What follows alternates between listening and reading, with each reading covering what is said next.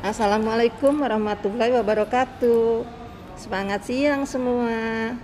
Bersama Isma Ninggar dalam podcast pendidikan berisi bincang-bincang bersama Bapak Ahmad Muhaimin selaku Kepala Regu di PT AI Dehatsu Harapan Indah.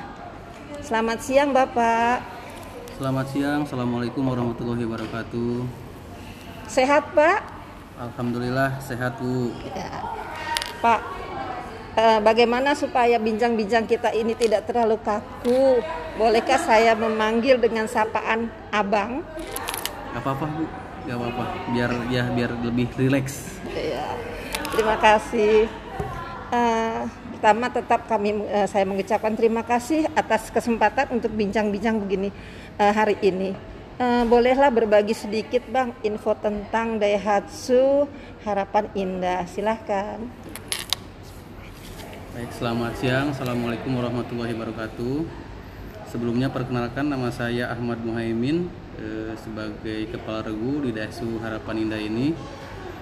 Saya ingin berbicara mengenai Daihatsu di Harapan Indah ini ya. Jadi Daihatsu Harapan Indah ini berdiri sejak April 2014, berarti sudah berjalan 20 tahun lebih ya. Sudah berganti dua kepala cabang dan dua kepala bengkel. Eh, dari awal yang 2014 itu kita mempunyai manpower eh, khususnya di daerah mekanik itu hanya empat orang dan sekarang semakin berkembangnya eh, pelayanan di Daihatsu ini dan semakin ramai kendaraan yang masuk itu kita menjadi 12 manpower atau 12 mekanik Eh, itu aja sih sekilas besarnya dari Daihatsu Harapan Indah ini Sekarang ini kan sedang masa pandemik nih Bang. Nah, bagaimana atau apakah ada aturan tersendiri yang diterapkan sehubungan dengan masalah operasional di sini Bang?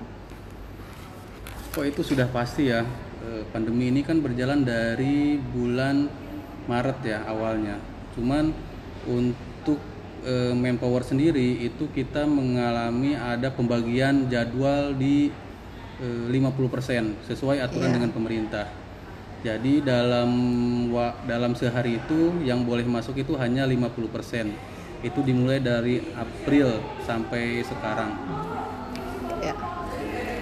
Ah, baik. Eh, saya dari kebetulan memang bertugas di SMK 5. Eh, PT AI Daihatsu su- termasuk Daihatsu Harapan Indah ini sudah menjalin kerjasama yang cukup lama dengan SMK Negeri 5 dalam kegiatan PSG terutama melalui program kelas Astra.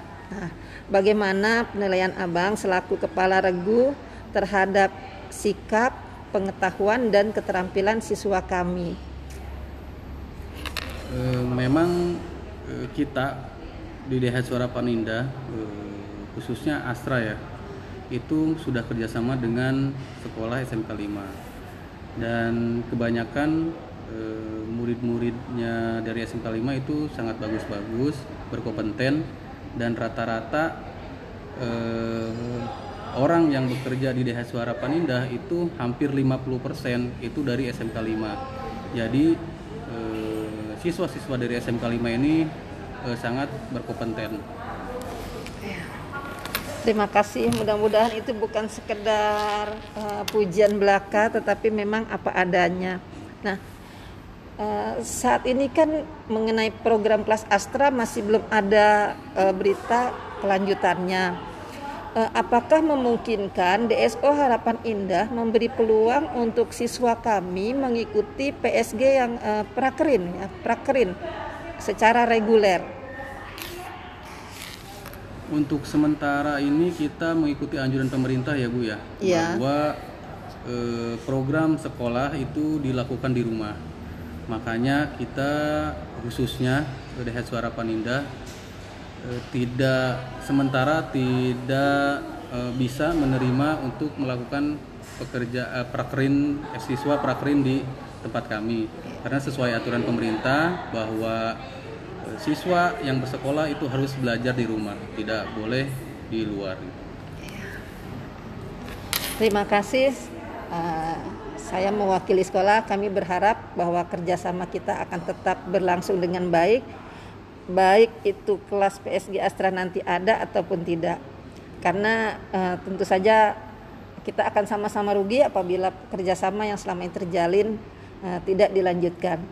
Uh, demikian, uh, barangkali ada uh, apa ya pesan-pesan terakhir untuk uh, siswa SMK 5 ya untuk siswa-siswa SMK 5 eh, jangan berkecil hati mudah-mudahan pandemi ini cepat selesai biar kita bisa kerjasama lagi Amin. karena terus terang eh, kita juga selaku di sini eh, masih eh, memberi peluang kepada rekan-rekan eh, teman-teman siswa semua eh, mudah-mudahan apa cepat pandemi ini cepat selesai dan kita bisa bekerja sama lagi itu aja sih bu. Amin ya.